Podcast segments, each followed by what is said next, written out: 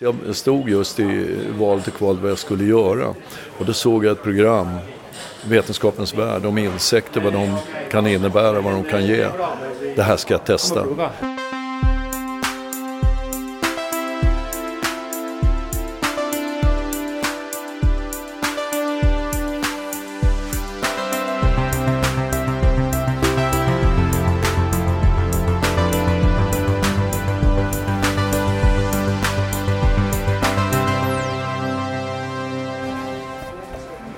Vi provar. Eh, välkommen till Heja Framtiden. Jag heter Christian von Essen. Idag spelar vi in från Matlust eh, på Södertälje Science Park i Södertälje. Det är en, en sammankomst av eh, en massa spännande aktörer inom matsystemet och vi pratar hållbarhet och framtid. Nu sitter jag med eh, Rickard Engberg på Global Bugs. Välkommen till Heja Framtiden. Ja, tackar, tackar. Vad är Global Bugs? Det är ett företag som sysslar med odling av syrsor.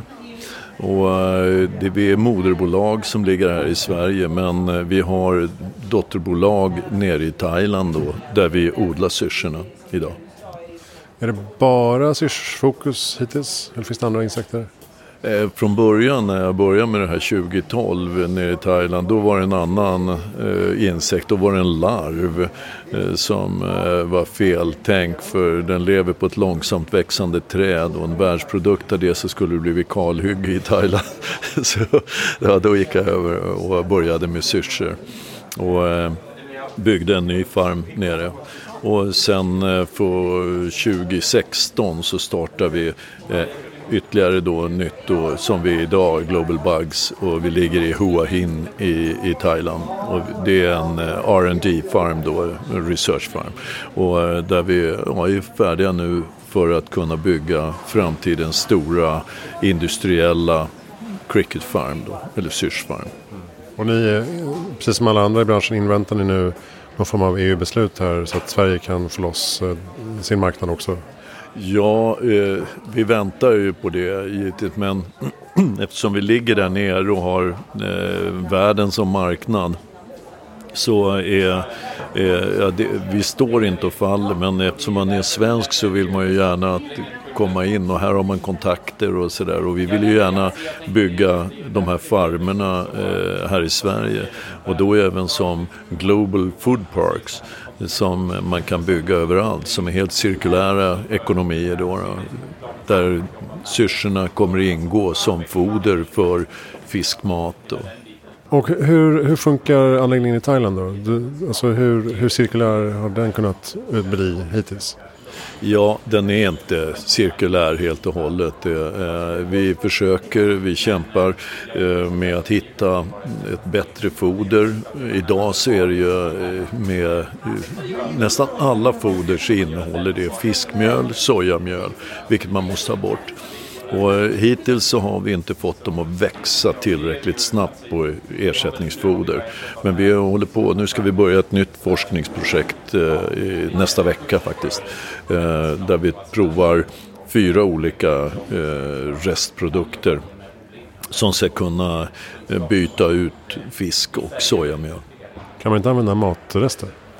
Ja, i viss mån kan man ju använda. Eh, men man får inte ta matrester hur som helst eh, och ingå i foder som ska gå vidare. Och det, det är en rätt stor apparat att få rätt. Och, och idag om du har odlat, eh, du ska ju ha grejer som är nyttiga också.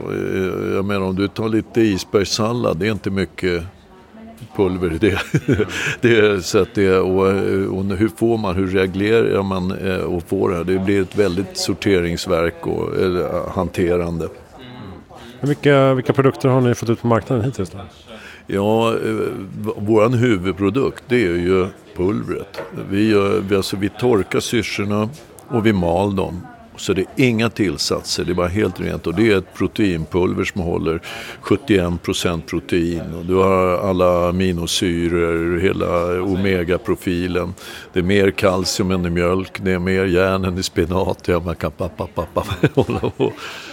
Och det, och det säljer ni i, i Asien då som eh, proteinpulver till shakes och allt möjligt? Eller? Ja, eh, precis. Och eh, det, I Japan vill de ha det i nudlarna. Man kan använda det i pasta, i bröd. I december sålde vi till England ett ton som ska gå till bageri då, för att baka bröd. Och så att det vi har sålt till Finland. Och det är bara Sverige då som inte eh, ansökte eh, dispens på det gamla regelverket. Och, eh, så att det, ja, det är när, de, när det blir, då väntar man på EUs då. Och det, det är nästan lite förhandsinfo då så är det under det här året och troligtvis i mitten på det här året. Det beror på väl lite den byråkratiska gången i Bryssel hur lång tid det tar. Precis. Men vad ser du för potential då om man säger att du får eh, e EU-lagstiftning kring det? Um, intresset börjar växa i Asien. Um, vad är liksom din framtidsvision på det här området? Vad, vad, hur, vad ska Global Bugs vara om tio år? Jag vill ju vara en av de ledande som tar fram ett alternativt protein till eh, all möjlig form av livsmedel. Då. Eh, dels är det för human, eller alltså mänsklig föda, men sen också i eh, fodersammanhang. Foder till och där vi kommer att använda då cirkulära ekonomier i form av food parks där vi kommer att kunna göra allting. Och det är allt från eh, att eh, odla grönsaker, fisk, crickets. Man kommer att ha biogastankar, fermentering. Det är, det är, en stor grupp av delar och man ska ha solpaneler. Eh, försöka göra allt som går eh, för att göra så liten påverkan på Moder Jord. Som sagt. Du, men du nämnde att det fanns en sån testbädd som ni jobbar med redan i Sverige. Ja, vi har ett ställe i södern nere i Småland som vi jobbar på för att sätta den här. Och det kommer nog att starta i, senast nästa år då, då där den börjar. Och den är på eh, projektstadie i varje fall och det finns klart eh, och vi har plats. Det är lite hemligt ännu väl sådär men det är, det är på gång i varje fall att det komma till stånd. Vi pratar mycket om så här hur man ska förändra hela matsystemet här. Eh, ofta blir det väldigt stora komplexa frågor. Men eh, är lösningen liksom att bara bygga små ekosystem eh, i ekosystemet så att säga? Ja, det finns ju dels för att kunna göra i, i mindre form då. Men det blir rätt dyrt. I, i Thailand finns det 20 000 då syrsodlare och det är allt från ett par små burkar på bakgården till rätt större farmare. Men de kommer aldrig kunna klara det här. De kommer inte kunna hålla certifieringarna så att man får godkända produkter. Eh, det är för dyrt att odla i, i. Så att den här, den här större delen för att insekterna, det kommer att bli helt eh, robotbaserat. Och eh, i en av våra farmer där kommer det vara 30 000 lådor eh, i produktionscykel som går runt och det, eh, vi kommer att göra eh, 350 ton cricket powder eh, om året i den här. Som då, och när man gör det här då kan man kopiera det här. Det är bara att duplicera de här farmerna. Tam, tam, tam. Men vi har lagt det på den här nivån. För dels skulle man få en sjukdom, en smitta eller någonting så behöver man inte slakta allting. Man kunde gjort det ännu större egentligen. Men vi håller det här då för att kunna få och det är en lämplig byggstorlek som man gör. Ja, och det, det, här är ett typiskt exempel som man skulle kunna använda då i, i storstadsmiljöer. För att eh, när folk frågar varför ska man äta insekter så brukar mitt svar vara att eh, det är inte så många andra proteinkällor man kan producera i urbana miljöer till exempel. Om man kan använda parkeringsgarage och köra insektsodling till exempel så är det ganska smart.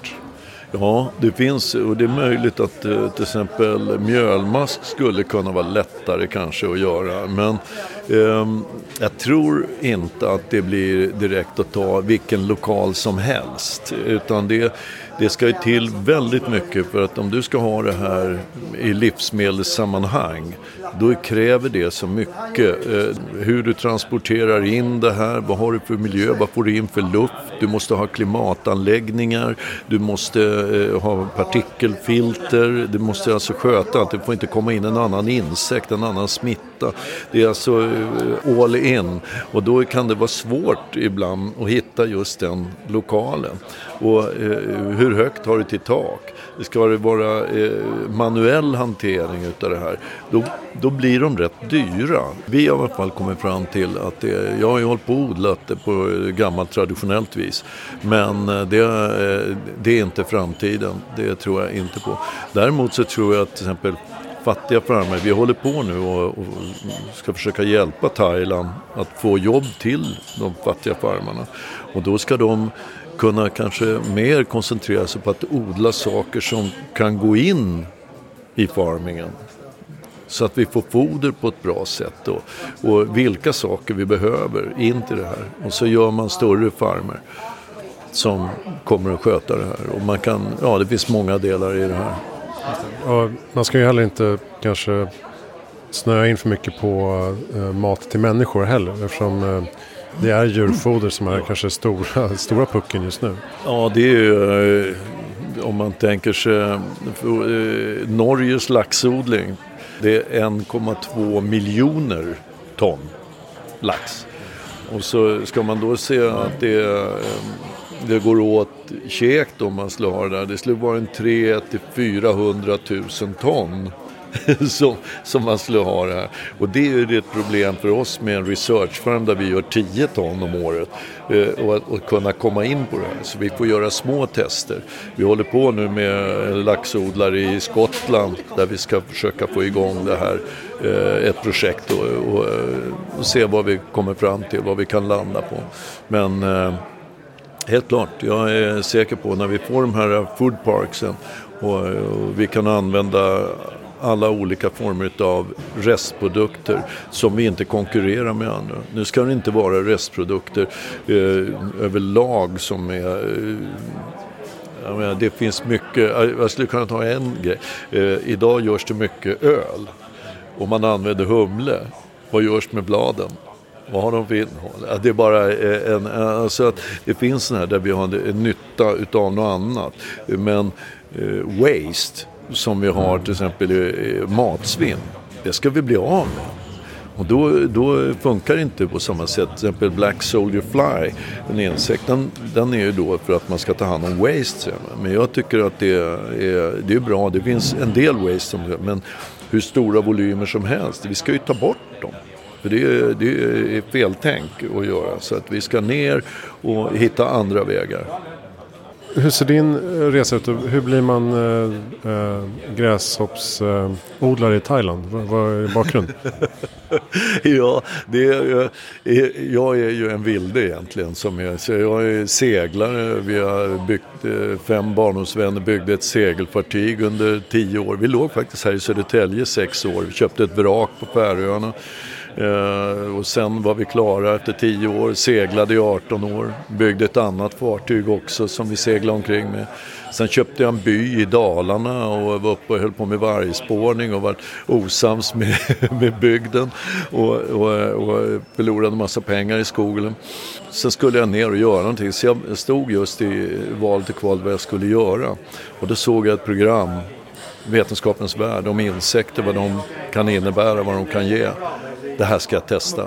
Så började jag läsa ett år och sen 2012, jag är sån där, jag kör händerna i myllan och provar. Så jag åkte ner och, och gjorde en, en, eh, en farm där, lite helt olovande, så testade, hyrde en kåk och sådär, började. Med fel insekt, det var den där larven då som jag höll på med.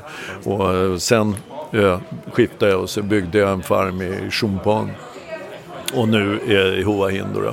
Så att det var eh, för att insektsodling har varit stort i Thailand och det var lite för mig mamman till insektsodling. Så om jag ska lära mig det här då åker jag ner där det är eh, möjlighet att göra det. Och eh, ja, så är det. Och sen så får man ju se då man kan ju inte hålla på och kanske flygfrakta sånt här. Men däremot om man kör det på en schysst fartygstransport eh, så är det ju inte optimalt. Så helst vill vi ju få det till att kunna göra. Men eh, som en början så kan vi tänka om man har schysst bunker till båtarna och sådär så är det i varje fall eh, väldigt överkomligt. Bra, jag ska lycka till och se om vi kan få se lite eh, Global Bug-produkter i Sverige då, framöver. Jajamensan, det hoppas vi verkligen på. Så att det, håll ögonen öppna efter Global Bugs och kolla upp oss på nätet så här, för att det, det kommer. Bra. Vad är det? Globalbugs.se Perfekt. Tack snälla Rickard Engberg för att du var med här i framtiden. Tack så du ha. Eh, vill du läsa mer om insekter och var vi befinner oss på den svenska marknaden så har vi ju tagit fram magasinet Framtidens hållbara matsystem. Det finns på hejaframtiden.se magasin. Där kan du hitta den i digitalt format. Där har vi intervju med eh, Anders Engström och Nils Österström som är två pionjärer inom eh, insektsvärlden kan man väl säga.